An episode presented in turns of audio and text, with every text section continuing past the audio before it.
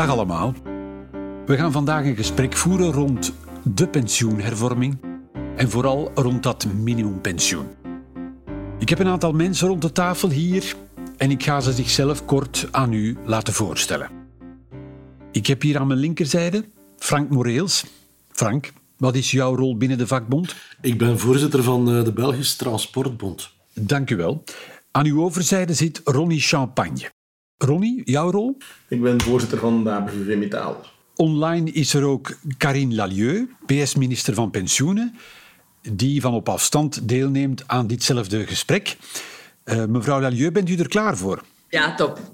En tot slot Jeff Maas. Dag chef. Wie bent u? Ik ben gepensioneerd federaal secretaris van het ABVV. Allemaal in vorm om op mijn eerste vraag te antwoorden. Jeff, ik ga die meteen aan u richten. Uh, we claimen de verhoging van het minimumpensioen naar 1500 euro als een vakbondsrealisatie. Welke rol heeft het ABVV of de vakbonden bij uitbreiding hierbij dan gespeeld? Welke strijd is hiervoor geleverd? Ja, het ABVV lag eind vorige eeuw trouwens al aan de basis van de betogingen voor de welvaartsvastheid. We hebben toen vier keer moeten betogen met 20, 25.000 mensen. En dankzij de inzet van al die mensen hebben we niet alleen de welvaartsvastheid van de uitkeringen verkregen, maar in de marge daarvan heeft Michel Nollet, toenmalig voorzitter van het ABVV, twintig jaar geleden ook het minimumpensioen van 1500 euro op de kaart gezet. Hoe, hoe makkelijk is dat gelopen? Ja, dat was toen een, uh, een zeer radicale eis, omdat het minimumpensioen bruto amper de helft was van dat bedrag. Maar we hebben dat blijven en blijven herhalen.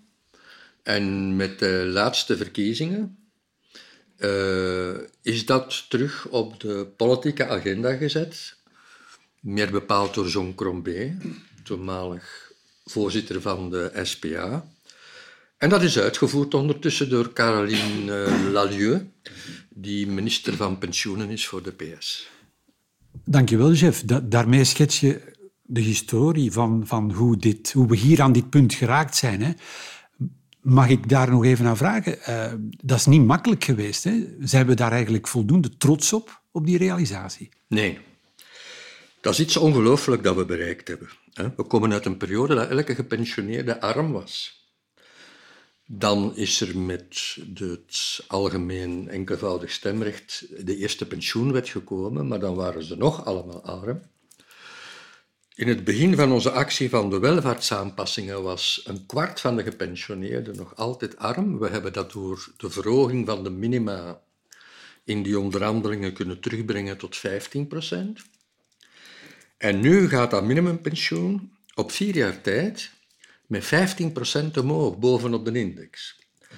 Dat wil zeggen dat er in 2024 geen armen meer gaan zijn bij de gepensioneerden. Elke gepensioneerde boven de 65, omdat ook de IGO, de inkomensgarantie voor ouderen, verhoogd is, elke gepensioneerde van boven de 65 zal recht hebben op een inkomen dat boven de armoededrempel ligt. En daar mogen we potverdorie wel best fier op zijn. Hè? Dat is historisch een moment, een kantelmoment in onze sociale geschiedenis, vind ik. Ik heb ook enkele vragen voor minister van Pensioenen, Karine Lalieu. Mevrouw de minister, fase 1 van uw pensioenplan is nu uitgerold. De minimumpensioenen worden verhoogd tot 1500 euro tegen 2024. Jeff Maas heeft een beeld geschetst van de rol die het ABVV heeft gespeeld in die belangrijke realisatie. Waren de geesten rijp dankzij deze vakbondstrijd? En was het voor u een hobbelige weg richting deze verhoging? De verhoging van de, van de minimumpensioen was prioritair voor uh, de PS. En dus we zijn heel, heel blij dat het goed uh, gekeurd is. Uh, concreet voor de mensen, dat wil zeggen dat de minimumpensioen in 2024 meer dan 1500 euro netto zal zijn voor een volledige loopbaan. Dit betekent uh, een verhoging van ongeveer 25 procent, inclusief de indexeringen en ook de welvaart-enveloppes uh, die zijn gegarandeerd. Uh, we hebben dus beslist dat we een uh, bedrag van 1,2 miljard euro investeren in de pensioenen. Uh, dat is uh, uniek voor een, uh, voor een regering. meer dan 777.000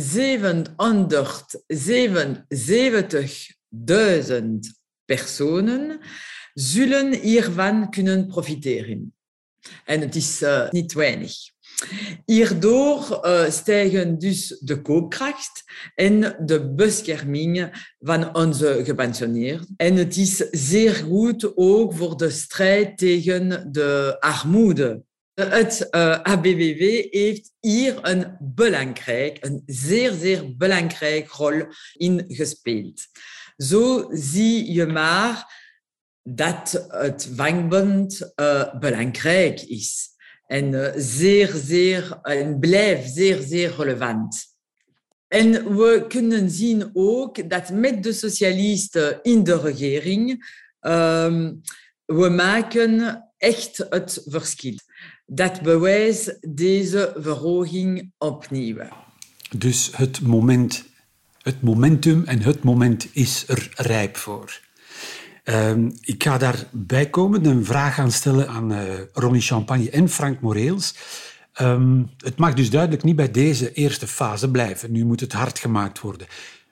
Welke elementen moeten er voor metaal en transport inzitten voor jullie?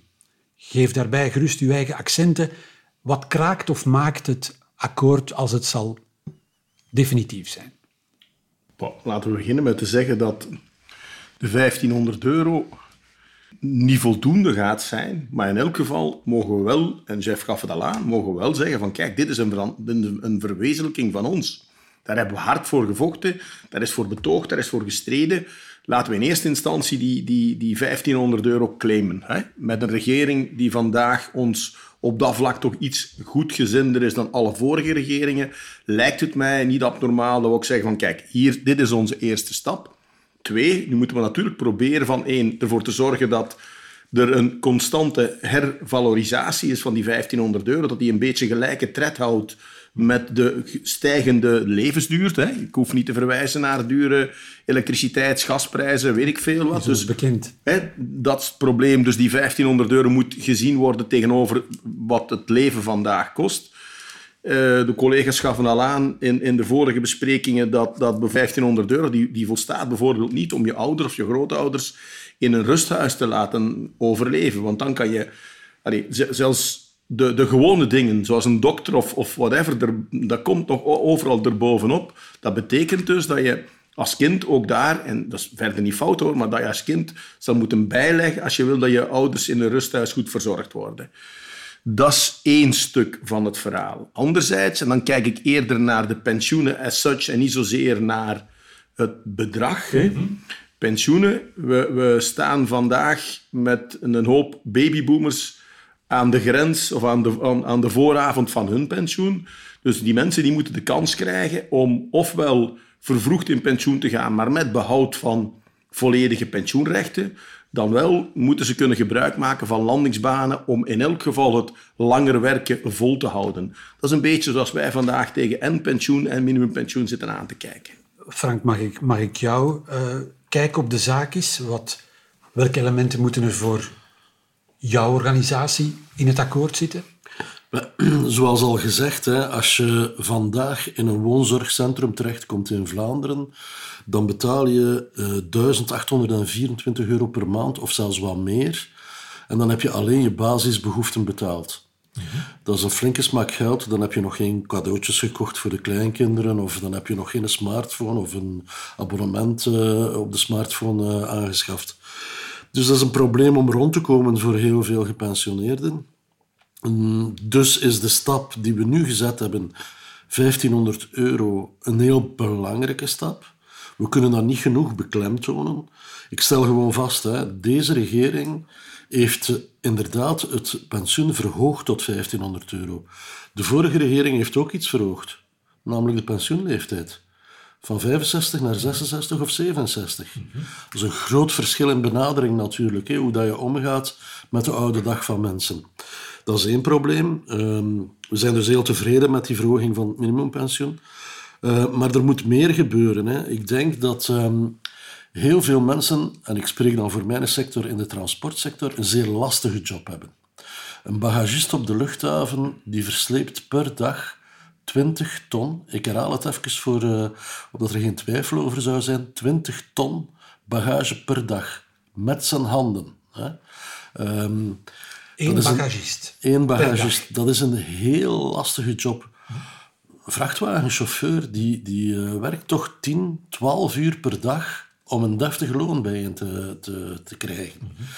Dus wij hebben eigenlijk heel zware beroepen in onze sector en dat is voor de collega's van Metaal niet anders. Dus we denken dat het absoluut noodzakelijk is dat er nu ook stappen gezet worden om niet te lang te moeten werken en om de, het einde van de loopbaan wat makkelijker te maken, te faciliteren. Uh, door uitstapmogelijkheden te voorzien, door uh, um, tijdskrediet, uh, landingsbanen, om dat allemaal makkelijker te maken dan het nu is. Um, het is onmogelijk als transportarbeider om tot uw 67ste het vol te houden. Zo simpel is het. Mevrouw de minister, in fase 2 van uw plan wilt u de focus verleggen van de pensioenleeftijd naar het aantal loopbaanjaren. Zelf legt u 42 jaar op tafel om op vervroegd pensioen te kunnen gaan op 60 jaar. Als ABVV willen we zelfs verder gaan, door het vervroegd pensioen mogelijk te maken na 40 loopbaanjaren. Hoe gevoelig ligt deze vernieuwing op politiek vlak? Als u bedenkt dat de burgers al jaren te horen krijgen dat ze tot hun 67 zullen moeten werken. En wat is het belang van syndicale steun voor u in dit dossier? Uh, inderdaad, ik wil niet meer spreken over pensioenleeftijd, maar over loopbaanjaren. Het is zeer belangrijk. Mijn voorstel is dat mensen moeten kiezen na een loopbaan van 42 jaar of ze verder willen werken. Uh, ik wil de logica veranderen. De mensen niet straffen, maar steunen en aanmoedigen via twee belangrijkste uh, positieve maatregelen. Uh, de eerste, de pensioenbonus, en de tweede, de deeltijdspensioen. Belangrijk is dat de werknemers zelf is die beslist of hij of zij verder willen uh, blijven werken. Uh, de keuze van een uh, loopbaanjaren is ook een kwestie van sociale rechtswaardigheid. Waarom? Omdat werknemers die lage school zijn en op hun uh, 18 of 20 jaar beginnen te werken, nu uh, 43 of uh, 44 jaar moeten werken. Het zijn vaak zware beroepen, zoals bijvoorbeeld schoonmakers of buschauffeur of caissière. En dus in tegendeel, een werknemers die hogeschool zijn en op 22 jaar beginnen te werken, zullen na 42 jaar uh, loopbaan naar vervroegd pensioen gaan. Dus er zijn een ongelijkheid tussen de uh, lage school en de hogeschool. Dat is niet juist. Bovendien, we weten uh, dat er is op uh, 65-jarige leeftijd een kloof in levenverwachting op een goede gezondheid. Is een verschil van 2,5 jaar voor mannen en 4,6 jaar voor vrouwen. Uh, voor, uh, voor mij als socialisten ja, uh, is dit ook een maatregel die zorgt voor meer gelijkheid tussen de, de mensen en de werknemers. Ik denk over de mensen en niet over de budgettaire logica. Het is een verandering van de paradigma. Alors, ik wil ook de werkgelegenheid ondersteunen. Dit is belangrijk uh, voor de financiering van de sociale zekerheid. Het is uh, hoog nodig. Uh, zoals ik al zei, zullen we dat via de pensioenbonus doen. 2 euro bruto per dag. deze bonus is voor de drie regimes. Dat betekent een verhoging van 7 procent voor iemand met een pensioen van 1500 euro per maand. Dat is dus, dus een verhoging van 100 euro netto per maand. Het is uh, niet weinig. Dat is bijvoorbeeld uh, je uh, telecomrekening per maand terugbetalen. Dus het is ook goed voor de koopkracht van de mensen. Dankjewel. Heel terecht. Aan, vraag aan jullie alle drie. Um, Jeff, ik ga me eerst richten tot jou. Waarom is het thema de gepensioneerde electoraal zo'n moeilijk topic? Ja, je hebt dan enerzijds natuurlijk de factuur van de vergrijzing. Er komen meer gepensioneerden, dus dat kost. Niet alleen aan pensioenen, maar ook aan de gezondheidszorg. Maar anderzijds, electoraal is natuurlijk de groep van de gepensioneerden zeer aantrekkelijk. Het is niet voor niks dat men de minima van de pensioenen zo verhoogd heeft, maar bijvoorbeeld de minimum voor de zieke werknemers niet. Mhm. Die zijn electoraal minder populair. En in die zin moeten we, denk ik, ook wel de nodige aandacht blijven besteden aan onze mensen. Het zijn er ondertussen meer dan 400.000 die niet het geluk hebben om in goede gezondheid te zijn, die niet het geluk hebben om uh, direct werk te hebben. En ook aandacht hebben voor de andere uitkeringen. Mm -hmm. Dankjewel. Ronnie, wil jij daar iets aan toevoegen? Eh, ik, ik, ben het voor een klein stukje oneens met Jeff als hij zegt van de betaalbaarheid. Alleen met alle respect, uh, als je net miljarden uitgegeven hebt aan, aan subsidie uh, aan bedrijven, zij het dan wel om, omwille van corona, dan kan je mij toch niet wijsmaken dat we in dit land te weinig middelen zouden hebben om onze gepensioneerden te geven waar ze recht op hebben. Niet vergeten, die gepensioneerden die hebben hun leven lang in een solidair systeem. Hè. Ik betaal voor de, uh, de generatie die nu op pensioen is, een repartitiesysteem. Ja, als je die verzekering wegneemt, dan, dan ondergraaf je toch elke wil om mee te gaan in een pensioenstelsel. Dus het zou er begot nog aan mankeren, zeg ik dan, dat wij ervoor zorgen dat gepensioneerden een deftig pensioen hebben. Mijn oma heeft mij altijd geleerd dat betaalbaarheid een beetje afhankelijk is van het beheren slash beheersen van in- en uitgaven. Als je in Brussel meer uitgeeft dan je binnenkrijgt, dan kan je dat moeilijk verhalen op je gepensioneerden. Die hebben nog eens een heel leven mooi netjes bijgedragen om ervoor te zorgen dat de generatie voor hun een pensioen heeft en mogen daarom ook claimen dat de verzekering dat zij een leefbaar pensioen hebben, dat die ook voor hun blijft gelden. Dus er is volgens mij enkel maar politieke wil nodig om ervoor te zorgen dat een systeem, een goed systeem, zoals onze pensioenen, dat die, dat die betaalbaar zijn. Kunnen onze pensioenen hoger? Ja, als ik die vergelijk met pensioenen in het buitenland, dan doen we het eigenlijk op dat vlak nog altijd niet echt goed. Hè? Zeker niet in een land waar toch wel wat centjes verdiend worden, waar wat meerwaarde gecreëerd wordt. Dat is nog een reden te meer om, om erover te waken dat de gepensioneerden krijgen waar ze recht op hebben, met name een menswaardig pensioen. Mm Frank, uw visie waarom dit electoraal zo een complex of een moeilijk thema is? Men moet om te beginnen stoppen met de mensen bang te maken. Men maakt de mensen bang, men zegt van, oh, uw pensioen, dat zal niet betaalbaar zijn. Dat is fout. Pensioenen zijn wel betaalbaar. Dat is een kwestie van politieke wil, dat is een kwestie van keuzes die je maakt.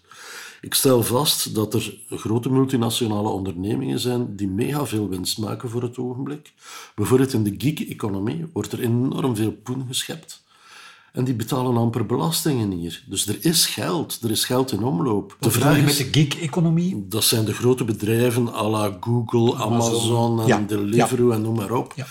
Ehm, ja, die, die, maken, die maken geld, uh, maar die betalen weinig belastingen of zelfs soms geen belastingen in ons land. Wij denken, mocht iedereen zijn steentje bijdragen, fiscaal en naar sociale zekerheid toe, dat de pensioenen perfect betaalbaar zijn als je ervoor kiest. En dat is de hele discussie. We hebben een vorige regering meegemaakt die daar niet voor koos, die de mensen bang maakte, die zei van we gaan moeten knibbelen op je pensioenen. En we hebben nu een regering die dat iets anders bekijkt. Ambitieus genoeg? Volgens het ABVV niet. We zouden nog meer kunnen, maar het gaat alvast in de goede richting. En opnieuw, dat is omdat wij het punt op de agenda zetten en omdat we goede voorstellen hebben. Dankjewel. Iemand nog een uh, afsluitende toevoeging? Ja, ik wil even een correctie doorvoeren. Als ik zeg dat dat electoraal uh, een probleempunt is, wou ik zeggen dat men de mensen wel wijs maakt dat die vergrijzing gaat kosten. En natuurlijk gaat die wel iets kosten, maar ik ben het natuurlijk volledig eens met Ronnie. Uh, wie zijn de grote big spenders geweest? Toen Verhofstadt aan de macht kwam, was er genoeg overschot op onze begroting om heel de vergrijzingsfactuur te kunnen betalen in de toekomst. Om een zilverfonds te creëren. Wel, het is Verhofstadt die de big spender geweest is, die de miljarden uitgegeven heeft voor de bedrijven en voor de hoge inkomens. Zoals het nu opnieuw een liberaal Michel was, die 12 miljard cadeau gegeven heeft aan de bedrijven. 6 miljard in bijdrageverminderingen, 6 miljard in belastingsverminderingen, met als gevolg dat de tijd deze week schreef de bruto belastingsmarges zijn nog nooit zo hoog geweest in de geschiedenis bij de Belgische bedrijven als vandaag. Dus inderdaad, een fatsoenlijk pensioen, maar ook een fatsoenlijke andere sociale uitkering, dat is een kwestie van politieke keuzes. Mevrouw de minister, pensioenen zijn een electorale splijtswam. Onder andere omwille van die zogenaamde onbetaalbaarheid van de vergrijzing. U legt net nu vooruitstrevende plannen op tafel tegen alle verwachtingen in en beweert dat we deze vooruitgang budgetneutraal kunnen realiseren. Hoe bent u van plan om dat te doen? Ik wil hier twee dingen zeggen. De eerste, ik ben zeer aandachtig voor de financiële houdbaarheid uh, van onze pensioenen uh, en onze sociale zekerheid in, uh, in het algemeen. ik zeg aan onze jongeren, onze pensioenen zijn perfect betaalbaar.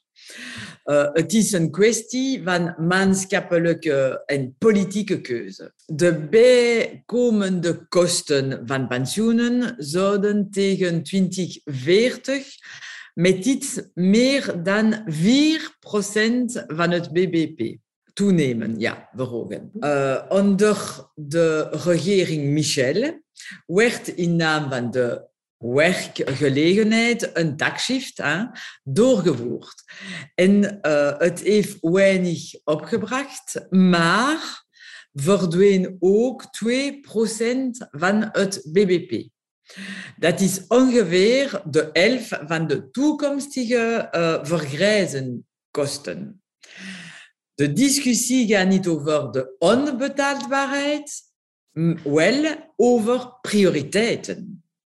Dus het is voorzichtige hypotheses. En het is budgetneutraal. In conclusie, uh, ik wil herhalen dat deze regering zal niet besparen op de rug van de gepensioneerden. Uh, Integendeel, we hebben 1,2 miljard investeren in de pensioenen. Mevrouw de minister en mijn heren, ik bedank u hartelijk voor deze zeer interessante bijdrage en ik wens jullie allemaal een veilige terugreis.